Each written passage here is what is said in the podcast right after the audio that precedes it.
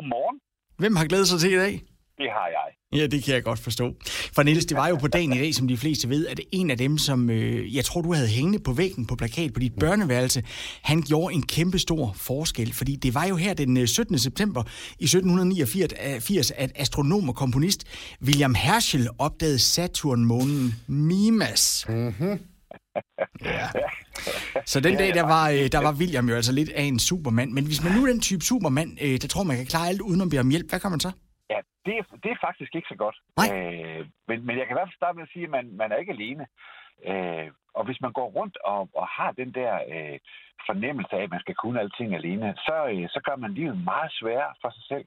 Det er, jeg, jeg har valgt at kalde det Superman-syndromet, fordi det er, øh, det er sådan noget, mange især unge mænd øh, kæmper lidt med det her med, at vi synes og tror, at det er stærkt at kunne alt alene, at man ikke skal være afhængig af andre.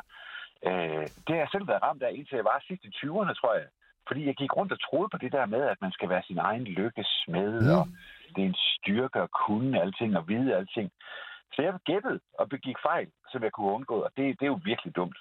Men det var altså lige indtil jeg opdagede, at alle, der har succes, faktisk er ekstremt gode til især én ting, og det er at bede om hjælp. Hvis man prøver at tænke på de største sportsstjerner, de rigeste erhvervsfolk, de bedste, så har de alle sammen folk omkring sig, som hjælper dem, når de er i tvivl om noget, når de har problemer med noget, når de vil være dygtigere. Og det er jo det, vi andre vi kan lære noget af. Hvis, øh, hvis vi prøver at øve os i at blive gode til øh, at, at involvere andre, øh, så, så sker der det, at, at du nærmest får den der fornemmelse af, at du har superpower, fordi du ikke er alene om tingene. Øh, og det sjove er, og det er jo det, der er sådan lidt interessant, det er, at når, når vi kigger på andre mennesker, så ved vi godt, at det kræver mod at erkende, at man har brug for hjælp og bede om den.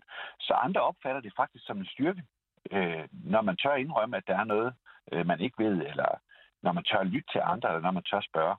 Og det fantastiske er så, at, at hver eneste gang man gør det, så, så inspirerer man andre til at gøre det samme. Mm. Og så bliver det altså sådan en, en god cirkel, man får startet. Ikke? Men, men det er svært det der med at måtte erkende, eller i hvert fald hvis man går med Superman-syndromet, og måtte erkende, at øh, jeg kan faktisk ikke klare det her helt så godt, som jeg, som jeg troede. Jeg har, jeg har brug for hjælp. Ja, og jeg tror, det ligger i vores kultur, og vi har jo alle de der ordsprog, som for eksempel, at man er sin egen lykkesmed, mm-hmm. at, at, at der er noget sejt ved at kunne alting selv. Men, men det mærkelige er, at vi, vi er her jo sammen. Vi er jo afhængige af hinanden. Så jo før man tør indrømme det og erkende det, jamen jo før får man ligesom gang i nogle gode ting og, og, og, og får den der oplevelse af, at, at man netop ikke er alene. For de folk, der er ensomme eller alene, de ved godt, hvad det vil sige, når, når, det, når det vender helt forkert, og man sidder der alene. Så, så mit tip er, at man skal, man skal vågne op og få øje på det. Jo før, jo bedre. Må vi vågne op og få øje på, at vi har brug for hjælp igen på fredag? Meget gerne. Så ringer vi til dig. Jeg glæder mig. Det er super godt. Ha' en dejlig dag. Tak i lige måde.